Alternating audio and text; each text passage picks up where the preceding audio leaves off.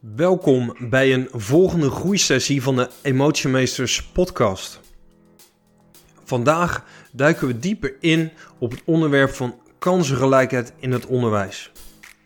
Natuurlijk hangt kansengelijkheid samen met een bredere maatschappelijke tendens en ook infrastructuur. Maar voor nu wil ik gaan verkennen hoe jij als begeleider docent of beleidsmaker je invloed kunt aanwenden om gelijke kansen te bevorderen binnen een onderwijsorganisatie. En hierbij zal ik ook concrete tips geven.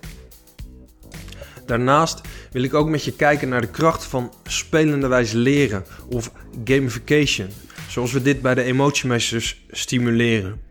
We staan ervoor dat bewustzijnsprocessen met meer plezier, dialoog, verwondering, verbinding en tegelijkertijd diepgang doorlopen kunnen en mogen worden.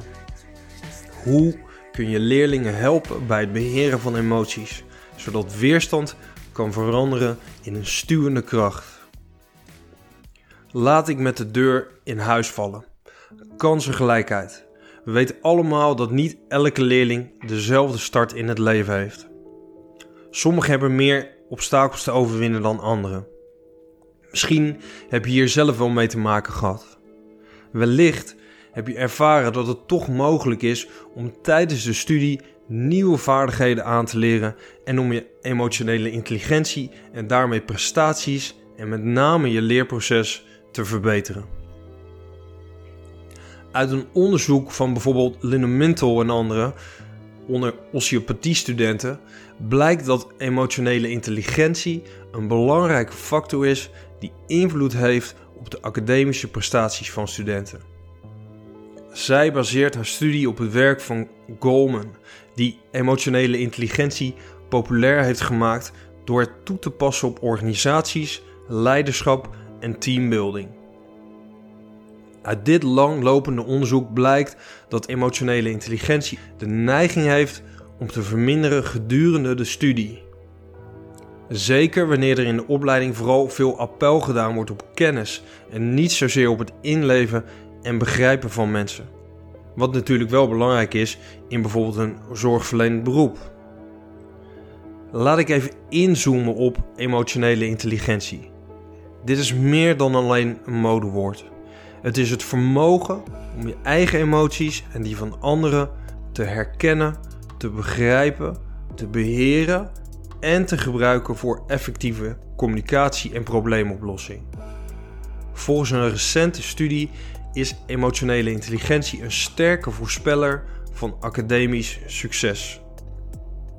Studenten met een duidelijke verbetering in emotionele competenties blijken een beter en gelukkiger werkleven, verbeterde werksfeer, betere relaties en een meer stressvrij leven te ervaren. Actiepunten voor docenten en andere begeleiders kan zijn om leerlingen te identificeren die mogelijk extra ondersteuning nodig hebben. Bied gerichte emotionele intelligentietraining aan om hun academische prestaties te verbeteren. Integreer bijvoorbeeld emotionele intelligentieoefeningen in het curriculum en moedig open gesprekken aan over emoties in de klas. Het is belangrijk dat leerlingen zich bewust zijn dat ze altijd een keuze hebben. Het recht om zelf te bepalen wie je bent en je economisch, sociaal en cultureel te ontwikkelen. Het betreft het recht om je eigen lot te bepalen en is ook een grondrecht. Ik heb het over je zelfbeschikkingsrecht. Vanuit emotioneel perspectief betekent dit het recht om vanuit je diepste wezenlijke kern het leven te leven en dit in te vullen naar je waarlijke kracht en het gevoel van je innerlijke opdracht. Wat mag jij hier op aarde manifesteren? Wat is je levensmissie? Hier komt natuurlijk ook een bepaalde wils- en motivatiekracht om de hoek kijken. De inspiratie die mensen ertoe beweegt om iets te doen of na te streven. Voor mij staat het gelijk aan zelfliefde.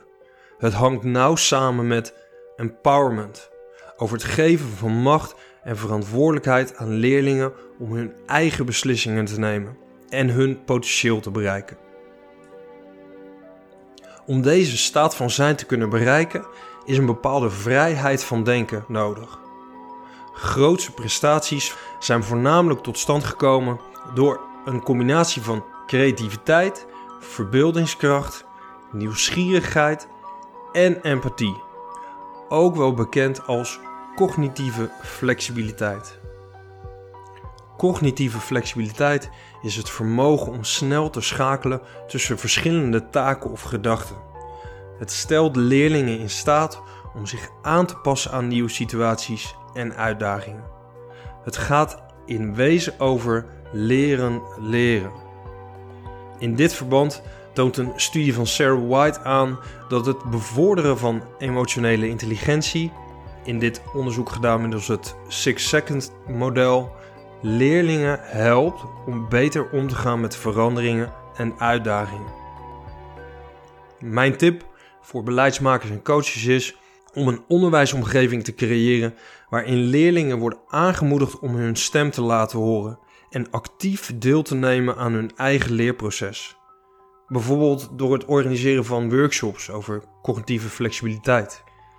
Bied tools en strategieën aan om deze vaardigheid te versterken. Zelf kijk ik ook graag naar TED Talks ter inspiratie en wil ik er in dit verband drie noemen. Over een docent met 37 jaar ervaring, Joe Rule, met als titel Teaching Methods for Inspiring the Students of the Future.